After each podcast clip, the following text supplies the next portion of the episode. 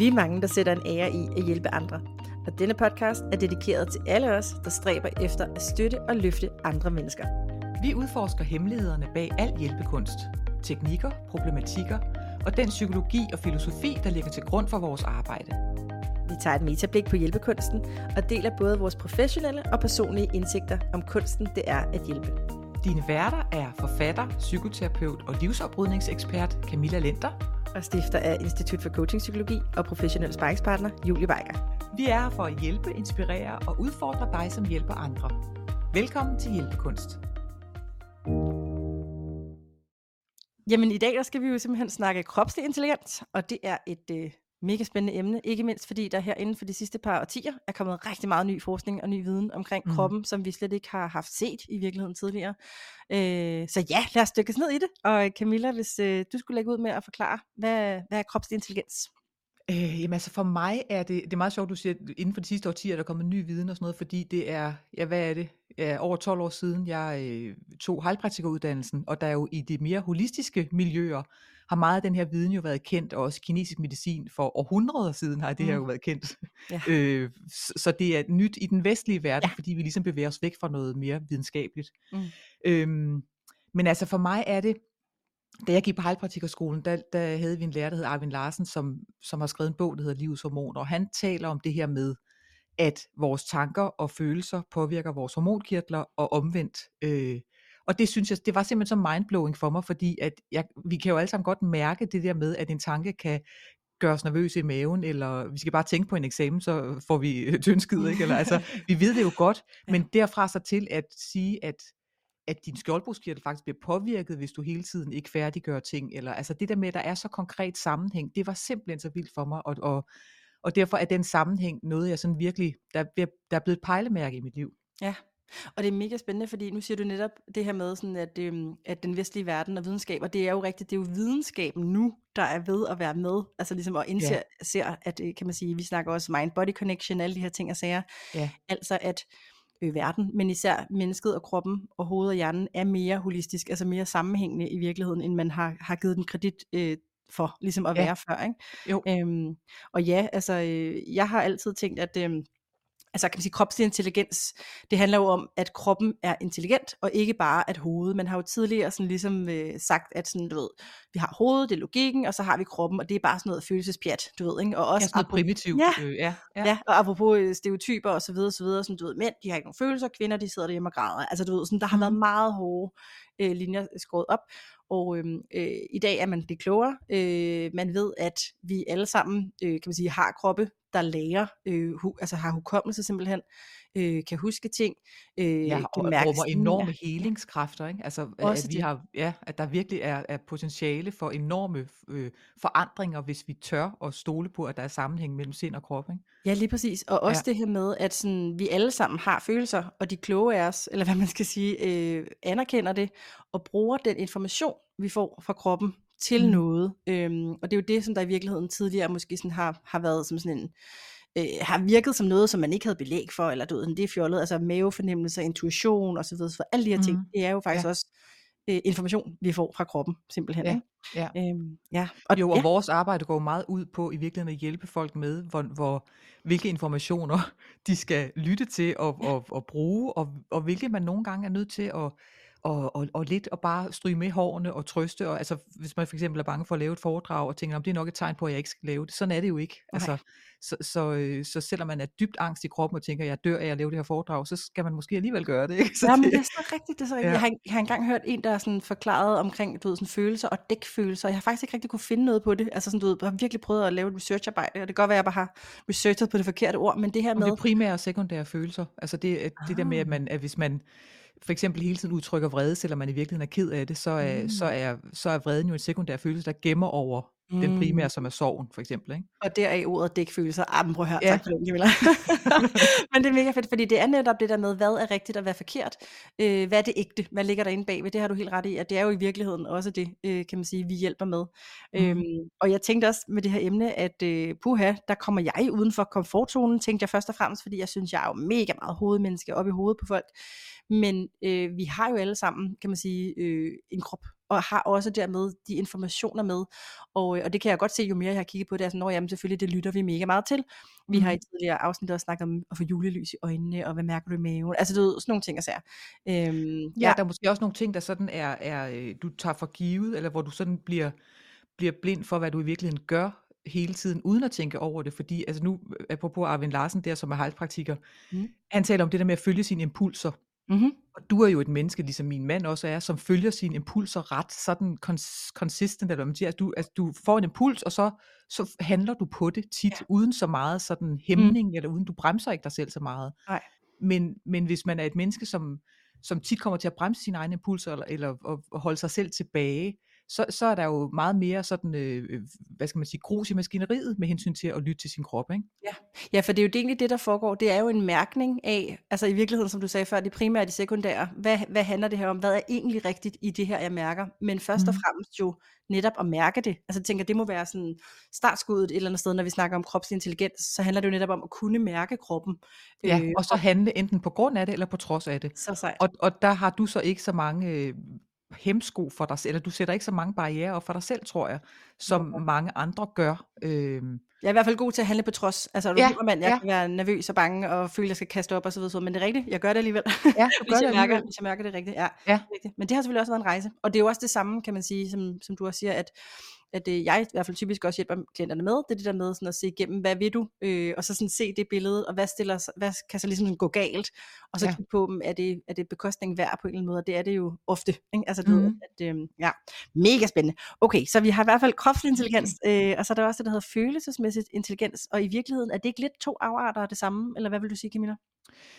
Øh, jo, det er det. Altså det hænger jo sammen, men, men følelsesmæssig intelligens er jo, er måske også, altså der er også noget analyse på og noget tænkning, øh, Mhm. s- med- hvor man skal forstå sine følelser, man skal forstå de signaler, der kommer fra kroppen oppe i det kognitive. Ikke? Yes, det er rigtigt.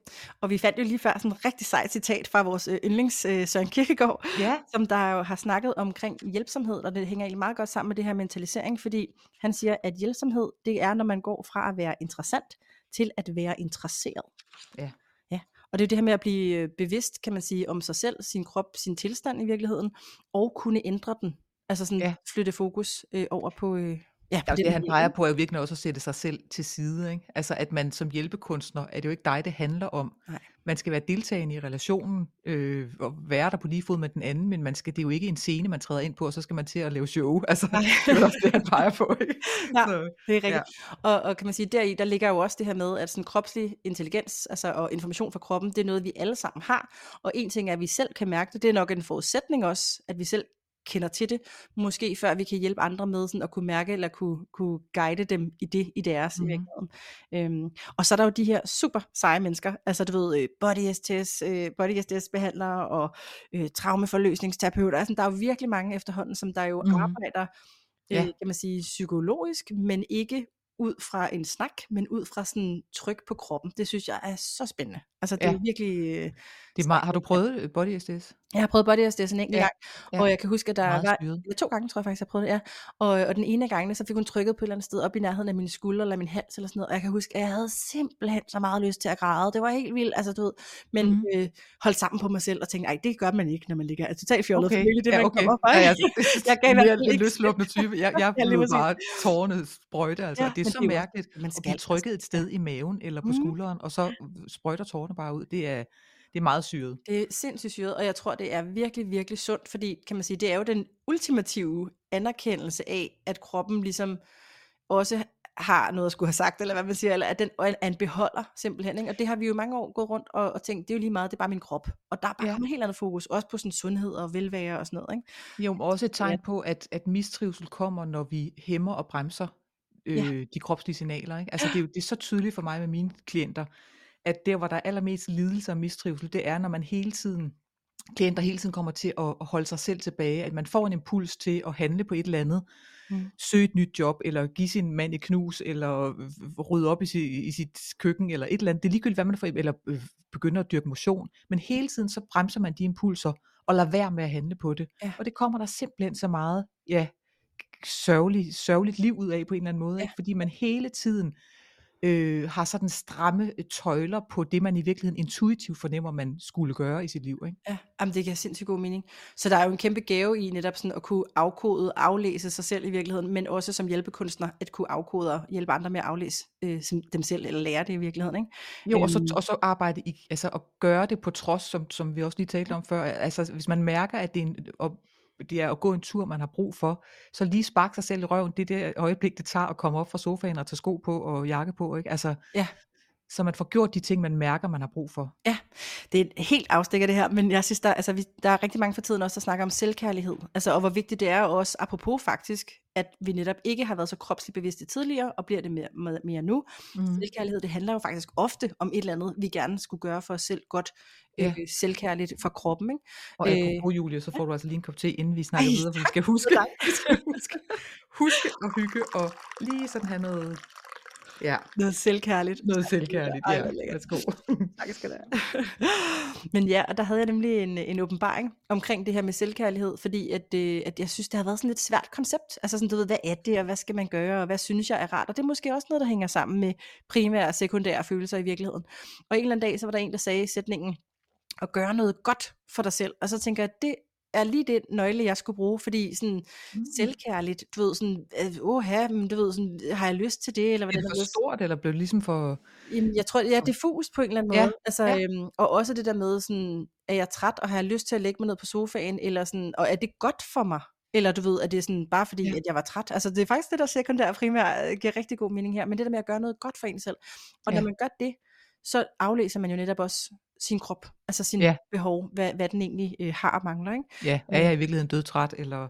Ja, Ja, Ja, lige præcis. Men øh, hvad hedder det? Um, vi ved jo også, at ligesom tanker kan blive, altså tanker kan gøre en syg, det har vi jo også været inde på tidligere, og her der Mhm. snakker vi så også om, at kroppen jo så i virkeligheden kan gøre det samme, og både syg og rask, altså det kan både gå positivt og negativt. Øhm, men vi ved jo, at, øh, at kroppen øh, ligesom sådan kan huske traumer, øh, at de ligesom Ja. kan sætte sig, men vi ved også, at øh, der også kan sætte sig positivt, det kalder vi typisk for ankre, altså eller et anker, altså det her med, Ja. at, øh, at øh, den kan gøre begge dele. Og øhm, har du nogle eksempler på, på noget af det her, som du har, har oplevet? Jamen altså, som jeg har nævnt før, hvis dem, der har lyttet med flere gange, så, så døde min mor, da jeg var meget ung, og det var om efteråret i oktober måned. Og det er så tydeligt for mig, at når den årstid kommer, så mærker, altså jeg, jeg, jeg behøver ikke engang have tænkt, for det er jo over 30 år siden, så jeg tænker måske ikke på det sådan helt øh, kognitivt, men lige så snart den der efterårslugt, luft og kulde og sådan noget kom, og snært af kulde i luften, Mm. så husker min krop, åh, oh, oh, det var på den her årstid. Mm. Så der er det så tydeligt det der med, at, at temperatur og dufte og, og altså, ja, at det bare minder, Ja. minder om, øh, så hele min, hele min krop husker det. Ja. Og på den positive side har jeg også det, at da jeg var gravid med min søn for over 12 år siden, øh, der ha- havde jeg mulighed for at komme rigtig meget i sådan et øh, boblebad. Mm. Øh, jeg gik i et træningscenter, hvor der var boblebad, og jeg, Ja. var, altså, det var simpelthen så lækkert, og det husk bare den der fornemmelse stadigvæk nu, når jeg, hvis jeg kommer i et boblebad, så kan jeg bare mærke den der sådan lidt, ah, kropslige, gode fornemmelse af at være gravid, og det var bare dejligt og rart og trygt, og ja, Ej, så det er ja, virkelig dejligt. Ej, hvor godt. Jeg er faktisk lidt nysgerrig på den, du siger der med, øhm, med din krop øh, og, og, og efteråret og din mor, fordi sådan, hvad, kan du give nogle eksempler på, sådan, hvordan husker kroppen, øh, altså hvordan mærker du det i kroppen, at, det, at nu kommer den tid? Jamen altså, jeg mærker det som et, øh, sådan et, det er nærmest sådan et imprint af en sorg, som jo er gennemlevet og er helet, kan man Mhm. sige, men det er bare sådan en, en, en sorgfornemmelse, der sådan overmander mig, og så Mhm. skal jeg ligesom sådan minde mig selv om rationelt og, og analytisk, at når ja, det er fordi det, og jeg har heldigvis en søster, som jeg har haft samme oplevelse, så Mhm. vi kan ligesom sådan, når nu er det den tid på året, Mm. jeg kan nogle gange minde min søster om det, eller omvendt, at, at du ikke du er ikke ved at, at få en efterårsdepression, det er bare fordi, det er den tid på året, at, vi, vi, at vores krop husker simpelthen, så man bliver ligesom bragt tilbage i noget gammelt, mm. Og hvis man ikke er, er vågen rent sådan, øh, med sine følelser og tanker, Ja. så kan man blive kapret af dem, eller blive taget som gissel af dem, og tænke, åh, jeg er nok Ja, ja, totalt efterårsdeprimeret, ja, der er Ja. noget galt lige nu, men det er bare et gammelt traume, som kroppen husker, og ligesom ja. minder os om, ikke? Mega spændende. Så det er jo kroppen, der husker, og så kommer bevidstheden egentlig bagefter, og det er derfor, det Ja. passer til kropslig intelligens. Ja, Ja. ja mega dejligt. Og det er jo fordi, altså især dufte, det, vores limbiske system, altså vores følelseshjerne, er enormt knyttet til dufte, og det kender vi jo måske alle, så jeg gør i hvert fald sådan med farfars haveskur, der duftede af Mm, appelsin, ja. eller mormors øh, køkken, eller frikadeller, eller et eller andet. Altså der er virkelig nogle dufte, som bare øjeblikkeligt kan bringe os tilbage, mange, mange år tilbage til vores barndom. Ikke? Ja, ej, Og, sådan har jeg og, det. Ja. Ja, hvad hvad har Jamen, du jeg har af det stadigvæk med med brændeovnsduft. Altså, mine forældre Ja. har en ødegård i Sverige, og der har vi altid altså, den bliver varmet op ved brænde. Altså sådan, Ja. så så den duft, hvis jeg går på gaden, bare her, hvor jeg bor, og nogen har en brændeovn, ej, jeg bliver sådan helt glad med Ja. det samme. Det kan virkelig noget. Ja, Øhm, og og så jeg på jeg så jeg så det der program Sporløs, hvor hvor det er adop bortadopterede, der der, øh, skal finde deres, øh, adoptivforældre, eller deres ri rigtige biologiske forældre selvfølgelig. Og der er det så tydeligt, når de sådan kommer hen til børnehjem, for eksempel, hvor de har kun har været, indtil de var 2 år, og de kan slet ikke genkende noget, og de går bare og ser helt blanke ud, og så pludselig så er der en duft, der rammer dem, Ja. og så kommer alle minderne væltende ind over Ja. dem, ikke? Så altså duft er virkelig powerful på Ja. den måde med vores hukommelse. Mega spændende. Det Ja. er ja, og det er jo netop det, det er simpelthen kroppen, der husker. Jeg har det med, øhm, vi var på et tidspunkt øh, i Argentina og rejste, og så øh, blev vi overfaldet, og øh, det foregik på den måde, at øh, der sådan kom to fyre gående imod os, og lige pludselig så sætter de tempoet op og gik hen på det fortov, vi gik på. Mhm. Og vi når at sige til hinanden, er det nu, vi bliver røvet? Fordi at vi var, vidste godt, at vi var et sted, der sådan, kunne være potentielt lidt farligt. Ja. Øhm, og det blev vi så. Vi overlevede alt var godt. at Du ved, vi, er, vi har det fint i dag. Men, Mhm. men øhm, det har simpelthen gjort, at hvis jeg går på gaden, og nogen lige pludselig skifter gåretning og sætter farten op, så er jeg bare i yber alert, alert mode. Ja. Altså det er simpelthen, øh, det tager et nanosekund. Ja. Og meget ofte er det jo nogen, der sådan gik på gaden og fandt ud af, at de skulle den anden vej, eller skulle gå til højre. Eller, altså, Ja. det, det har jo ikke noget på sig øh, som regel, men det er min krop bare, det, det glemmer den aldrig, tror jeg. Altså, Nej, og jeg jeg har faktisk noget af det samme. Jeg jeg blev kørt ind i fra en bil, der kom ud fra højre, og og kørt ind i siden af min bil en gang for mange, mange år siden også, og stadigvæk, hvis der kommer en bil, der kører lidt for hurtigt hen til en sidevej på på min højre side, så reagerer hele mit nervesystem sådan et brus af, huh, sådan alertness, ikke, af Ja. adrenalin. Det er meget vildt, som kroppen husker. Ja, det er altså. Den er vildt vild. Og hvad hedder det, øhm, sådan, er det noget, du bruger i dit arbejde med dine klienter? Eller hvordan? Ja, helt sikkert. Og og og det er jo meget sådan, når når folk fortæller noget sådan udpræget øh, dårlige oplevelser eller eller positive ting, som vi sådan skal prøve at få til at vokse, så det så bruger jeg meget deres sprog faktisk. Mhm. Altså at jeg at de kalder det et eller andet, øh, det de gerne vil væk fra, Ja. øh, bruger de et eller andet bestemt ord omkring, eller og der er det utrolig vigtigt som terapeut og også som coach, at man at man fanger det det sprog, det ord, den anden bruger, fordi Mm. så kan man så kan man altid men det er ligesom du og jeg, da da jeg skrev min bog, og du sagde, er det flødebolle Ja. lav flødebolle fra lavkagehuset øjeblik eller et eller andet, altså at man har sådan noget internt, Ja. for så kan man altid tale om om det som netop det det det øh, det som var såret eller traumet, eller det som er det positive, vi gerne vil hen imod, når man bruger de der de samme ord. Ja, og det er på en eller anden måde blevet en lille smule eksternaliseret også, at man ikke hele tiden Ja. skal stå og fortælle, det var dengang, det handlede om, man kan sige, nå, men du ved, den der bagage, jeg har med mig, eller hvad det nu end er, at det måtte Ja. være super spændende. Ja, man får det uden for sig selv på en på en meget bedre måde. Ja. Ja, Og hvad meget med dig? Jamen, altså, jeg tænker, at øhm, jeg arbejder jo mest i det positive spektrum, men Mhm. når jeg arbejder så længe, som jeg ofte gør med klienter over, øh, du ved, flere år, øh, eller sådan noget, øh, så hører jeg jo altid om, hvad der har gået forud, så jeg kender jo godt til deres øh, potentielle traumer, og også potentielt til, hvad der har sat sig i deres kroppe. Ja. Øhm, årstider, dufte og sådan noget, det kender jeg til, men det er ikke så meget der, vi har fokuset, det er jo egentlig mere på sådan at dyrke de positive ankre, enten ved at få dem skabt, eller at tappe ind i dem, de eventuelt selv måtte have, apropos flødeboller for Ja. lavkage, ikke? Ja. Ja. Øhm, så ja, jeg tænker i virkeligheden, det er det der med sådan, at bruge, at de sådan mærker deres egen krop. Altså det er jo noget, man sådan godt kan hjælpe med, det der med, at de selv bliver kloge på, netop hvad giver, som vi også snakkede om sidste gang, hvad giver energi, der i afsnit 3, øh, og, og hvornår bobler noget af lykke, og mavefornemmelser er jo en masse noget. Mhm. Altså, øhm, ofte så beskriver vi øh, øh, lidt for sjovt, de klienter jeg arbejder sammen med, så siger vi, at vi er ligesom sådan tre mennesker i deres bestyrelse øh, for deres virksomhed. Der er dem, der er mig, og så er der deres mavefornemmelse. Det er ligesom Ja. den treenighed, øh, som Ja. vi sådan mærker jo hele tiden ind i, hvad siger maven, eller hvad tænker du, eller hvad, hvad ja, ikke så meget, hvad tænker du, men hvad siger maven i virkeligheden, ikke? Ja, jo. Meget, meget spændende. Og og der oplever jeg også, at jeg at jeg nærmest virker som sådan en øh, nogle gange som sådan en oversætter af folks egne altså af folks kropsfornemmelser. For eksempel, hvis der nu er nogen, der altid bliver lidt triste hen mod efteråret, og de så begynder at at at lede i deres parforhold eller noget andet for Ja. efter hvor jeg sådan, det var det samme sidste efterår, så der kan jeg altså på en måde være sådan en oversætter af, at du du bliver bare lidt lidt mismodig her, når lyset forsvinder og sådan noget, Ja, lige Altså, præcis. ja. Ja, det er så rigtigt. Og det er derfor, det er så fedt nogle gange at arbejde med folk over længere tid. Ja. Altså, øh, fordi netop, at sådan, der er så meget guld, altså øh, både bagudrettet og fremadrettet og så Ja. videre. Ikke? Ja. Ja. Mega interessant. Og kan man sige, en, en ting, vi også har- har snakket øh, om i forhold forbindelse med det her, det er jo det her med tilstand. Altså det her med at, sådan, at både at kende til, øh, kunne mærke sin tilstand, men også at kunne hacke den i Ja, virkeligheden. Ikke? og Ja. ændre den, skifte, ja. ja. Og har du nogle gode øh, fifs til det? Uh, altså, der, altså jeg bruger, det har vi også snakket om før, men musik er virkelig, virkelig vigtig for mig. Altså det, Mm. jeg kan simpelthen øh, køre og være i mega dårlig humør i øh, regnvejr i bilen, og så kommer der et yndlingsnummer i radioen, og så skifter jeg simpelthen på et splitsekund tilstand, og. Ja, ja. ja, og jeg bare bliver glad af musik. Altså det er helt vildt, hvor meget det betyder for mig. Mm. Øhm, og, og altså, vi har jo også været inde på det sidst med jordforbindelser, det der med at gå udenfor øh, Mm.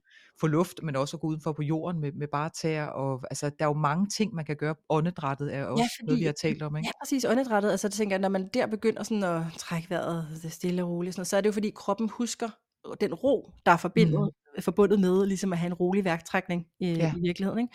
Ja. Øhm, ja, det, så det er jo sådan de der klassiske, hvad skal vi kalde det, øh, ja, tilstandshack, som der Ja. jo netop tapper ind i kroppen, frem for at, at lade tankerne ligesom sådan skulle drive det frem, så lader man kroppen drive det frem. Vi snakkede også power poses og så videre. Så Ja.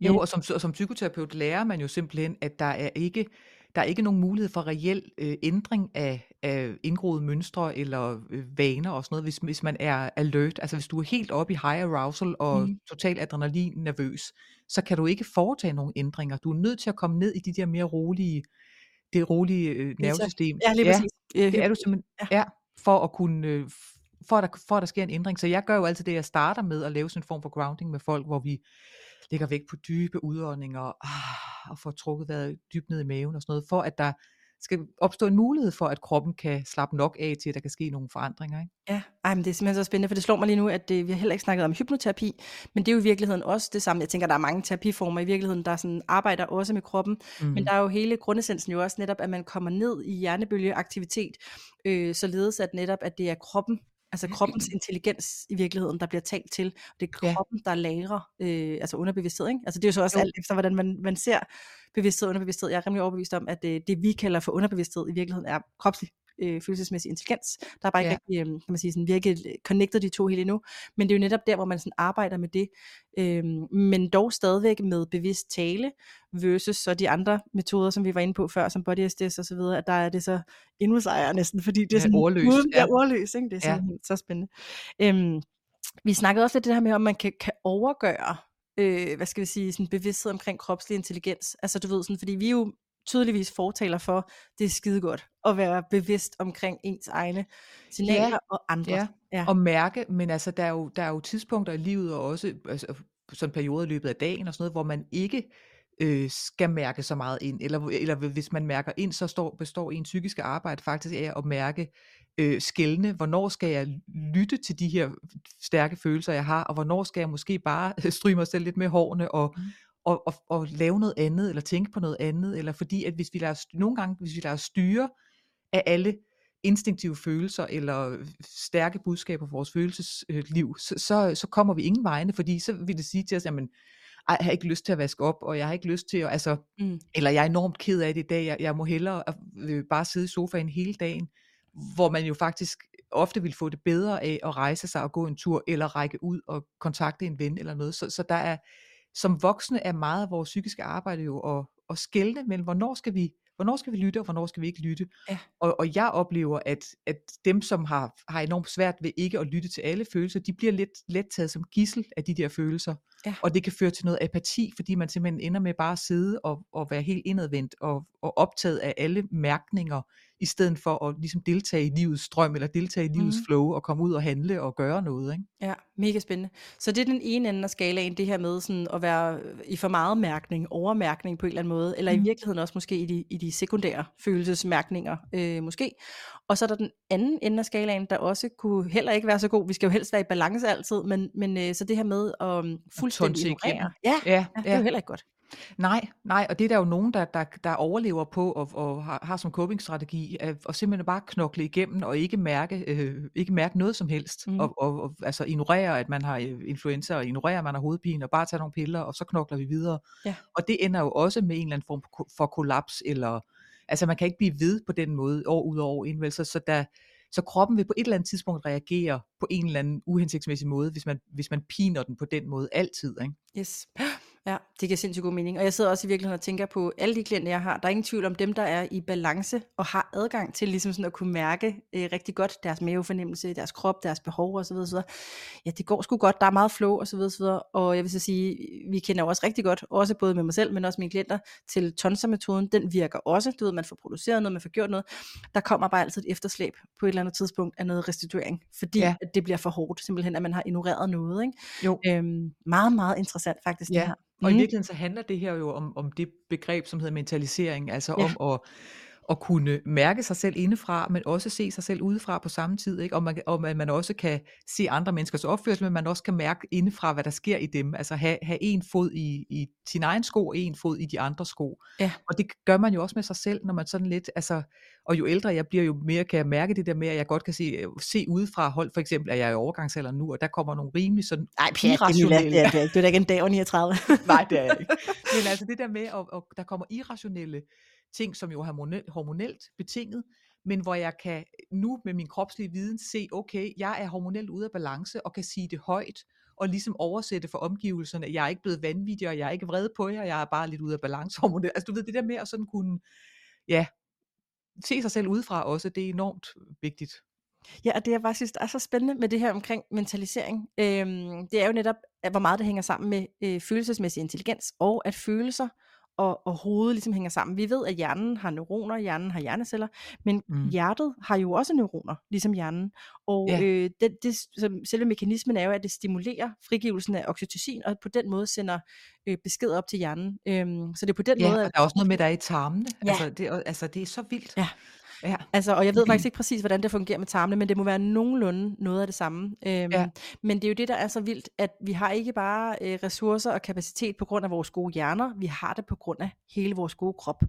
Ja. Øhm, Og i forhold til det der med, at vi har neuroner både i hjertet og i tarmen, der er, vi kender det jo alle sammen. Altså jeg, jeg tænker, øh, og forklarer det også tit til mine klienter, det der med, at der er, der er så stor en sammenhæng. Øh, vi kan jo mærke, hvis vi bare tænker på, at vi skal til en eksamen eller noget, kan vi mærke, at tarmen begynder at arbejde, eller vi får, får urolig mave. Og, og, øh, og der er jo også det der, der hedder broken heart syndrome, hvor, hvor mennesker, der har været gift i 50 år, de, øh, de, de nærmest får, altså, dør af dårligt hjerte kort efter deres elskede er død, simpelthen fordi, at hjertet har taget skade. Altså de der neuroner i hjertet er så, man får så ondt i hjertet simpelthen af sorg. Så, så det er bare, øh, jeg synes det er, det er meget vildt og meget, øh, også meget rørende at tænke på, at vi er, vi er så meget øh, vores krop. ja, mega spændende.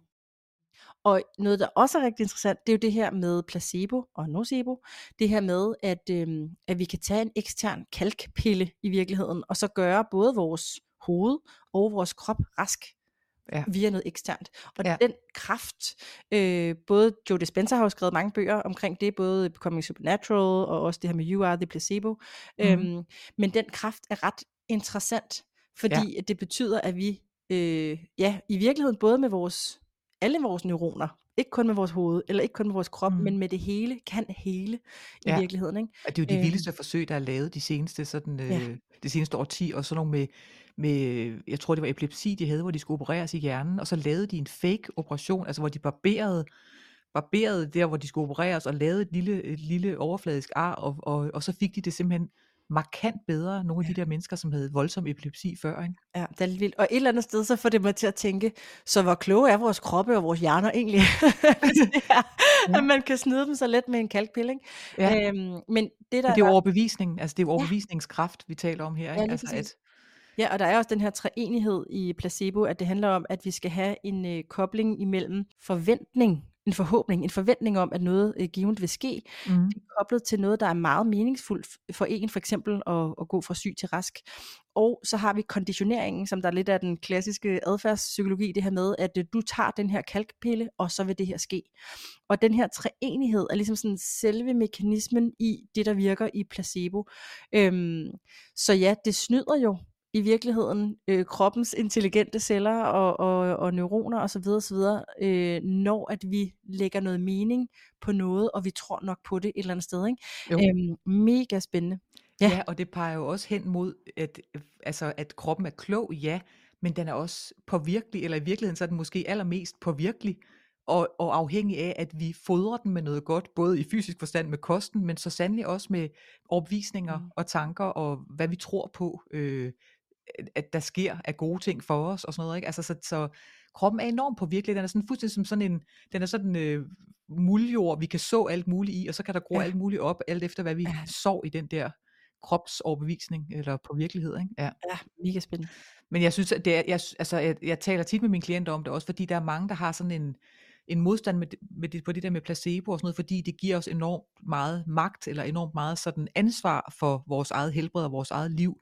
Men vi kan jo ikke ignorere, at vi, vi bare kan tænke på en sur, sur citron eller noget stærk saltlakrids, og så kan, man, kan det trække Ja, spytkirtlerne. Altså med det det der med, samme, at vi, mundvandet begynder at løbe med det Mhm. samme. Altså den, den, den, øh, den mulighed for indflydelse har vi jo hele tiden, også når vi tænker, det hele er noget lort, eller øv, hvor er det bare dårligt hver i dag, eller i og øv. Altså, når vi tænker de der tanker som hele tiden, eller åh, jeg er også ved at blive Mm. gammel, det gør ondt alle steder, eller altså, når man begynder at, at, at blive bevidst om, hvordan bare det at tænke på en citron kan påvirke vores spytkirtler, så kan man måske også, kan det også åbne op for, at vi begynder at tage noget mere ansvar for, ja, for alle vores Ja, lige tanker, præcis. ikke? Og det er jo meget, For alle vores Ja, tankebaner. ja, og det er jo også meget ofte der, vi i virkeligheden sådan, øh, ender, det er det der med at, at se på, øh, og det er jo også det, vi laver med vores klienter, men det her med, at sådan, ansvaret er der, altså ansvaret er vores, og, øh, og det skal vi simpelthen huske at bruge, og især når vi så connecter det til placebo, øh, også til Mm. nocebo i virkeligheden, men, men når vi connecter det til det, så bliver det så meget mere sat på spidsen, at, at der er nogle ret vilde muligheder, hvis vi forstår Ja. at hacke øh, det rigtigt, og det er jo så Ja. det, der er mega svært, for ellers havde alle jo gjort det, men det er Ja, muligt ja. at hacke, og det er jo så derfor, at øh, vi Ja. kan binde tilstandshack sammen med det her, fordi det handler altså om at, hacke i virkeligheden, kroppens intelligens, ikke? Ja, og muligheden for at ændre tilstand er jo, er jo håbefuld, men, men jo også et ansvar. Altså jeg kan godt forstå, at, at man også kan blive provokeret over det, og, og is- især hvis man sidder midt i en, i en kæmpe livskrise på en eller anden måde, så kan det virkelig være svært at se, hvordan fanden kan jeg hacke noget her. Men, men der er altid de der bitte, bitte små, som musik, eller stikhovedet ud af vinduet, eller altså det er bitte, bitte små ting nogle gange. Ja, eller få øhm, skabt nogle positive øh, ankre, altså kropslig intelligens ankre, som Ja. man hurtigt kan tabe ind i igen. Hypnoterapeuter, det er det, de er specialister i virkeligheden, at indkapsle noget godt, lægge det som et positivt anker, og så, øh, om det så er, man nuller fingrene, eller øreflapperne, eller hvordan og hvorledes, men simpelthen, man kan sådan trykke, eller hacke, eller lave sit eget, det ved jeg også fra øhm, Tony Robbins, at der laver de jo sådan nogle, øh, at man skal stå op, og så skal man make, make your move, tror jeg, de siger, make your move, og det Ja, er jo netop, ja. hvor de gerne vil skabe, at folk får sådan et positivt kropsligt anker, de kan tabe ind i på Ja. 0, øh, 0,5 øh, sekunder, ikke? Øh, Ja, og det var også det, vi talte om med power pose ja. øh, en af de andre Ja. gange her, ikke? Altså, at man bare ved at stille sig i power pose to minutter, så man kan ændre sit hormonspejl, det er jo også ret Ja. vildt at, at Ja, finde jeg ud blev også mindet om, at de havde et andet, øh, eller de har et andet øh, citat, der også hedder sådan, if you stay in your head, you're dead. Altså, der netop også siger, at du skal Ja. ned i kroppen, ikke? Altså ned og, øh, ja, og connect. At få noget handling, at få noget handling på. Altså, ja, ja. Ja. Og det er også, i, for, i forlængelse af det, har jeg også lyst til lige at tale om det der med, at vi, øh, altså jeg har igennem mit liv været på sådan et langt detektivarbejde med, hvad øh, min krop egentlig får det godt af at spise og drikke, og hvad den ikke trives særlig godt med. Og det er jo også en, et, en knap, vi kan skrue på, og kan begynde at blive opmærksom på. Øh, og der vil jeg nævne sådan noget som, at jeg for eksempel opdagede for 10 år siden, eller sådan noget, at jeg blev sådan ængstelig, når jeg drak kaffe. Mm. Altså jeg begyndte sådan at tænke, hvorfor, hvorfor er jeg altid nervøs, når jeg lige har, du ved, været på den café, eller lige, fordi jeg drak ikke kaffe hver dag. Mhm. Og der blev det meget tydeligt for mig, at, at det faktisk er sådan en lille smule sådan, øh, jeg giver mig en lille smule sådan bekymring eller angstfølelse indeni, når jeg drikker kaffe. Og det er jo enormt nemt at skrue på, øh, drikke noget koffeinfri kaffe i stedet for, eller drikke noget te, eller, Ja. Og, øh, og sukker og alkohol for eksempel påvirker mig også enormt kraftigt nu, hvor jeg er i overgangsalderen. Mm. Og det, når man først opdager det, er det jo altså nemt at, at skrue ned for sukkeret for eksempel, men hvis man ikke ved det, så kan man sidde der og være fuldstændig øh, martret af hedeture og, og sortsind og alt muligt andet, og så ikke vide, at det er sukkeret rent faktisk, Ja. der, der påvirker en på den måde. Ja. Ikke?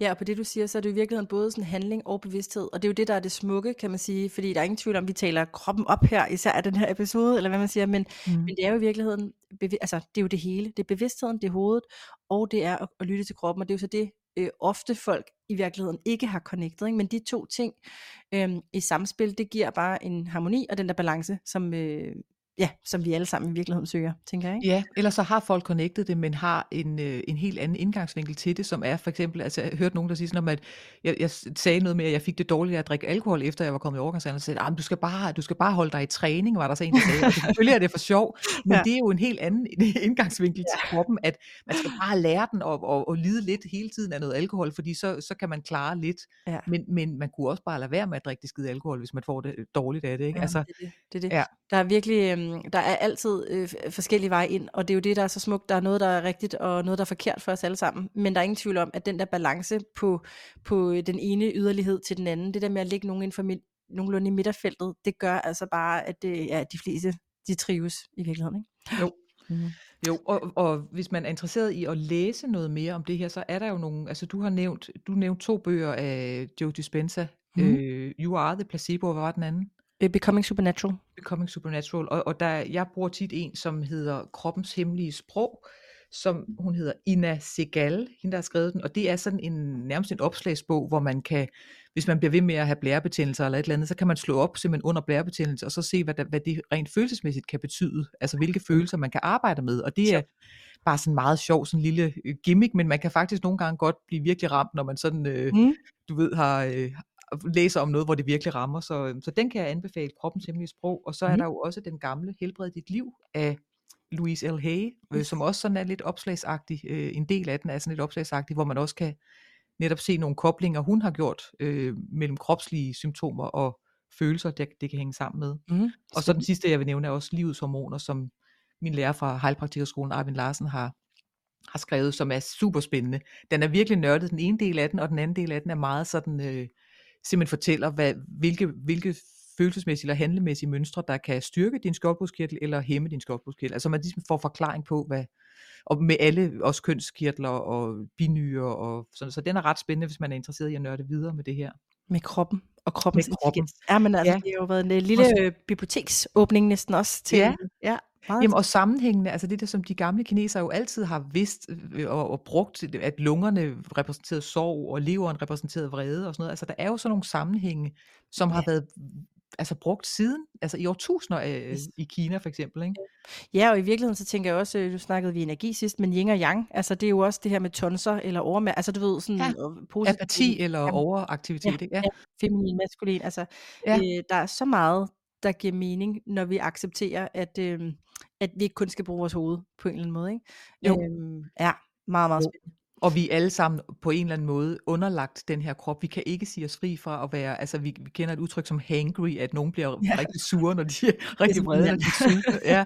ja. Og det er jo bare blodsukkeret. Altså det er jo simpelthen bare dit blodsukker. Så, så det der med at være, være klar over, at vi alle er vi er i den her krop, og vi kan lige så godt tage det alvorligt og, og behandle den godt, mens vi er her. Ikke? Faktisk en meget inter- interessant anekdote, den har jeg fra B.S. Christiansens øh, biografi, øh, mm. som, hvor han på et tidspunkt beskriver det her med, at han havde jo trænet sin krop så vildt, så at han kunne jo simpelthen næsten få sit, øh, sit eget puls eller hjerte sådan, til at ikke slå, altså det er måske lidt mm. overdrevet, men sådan husker jeg, husker jeg det fra bogen, det der med, når de skulle ligge på lur og sådan noget, var helt fuldstændig.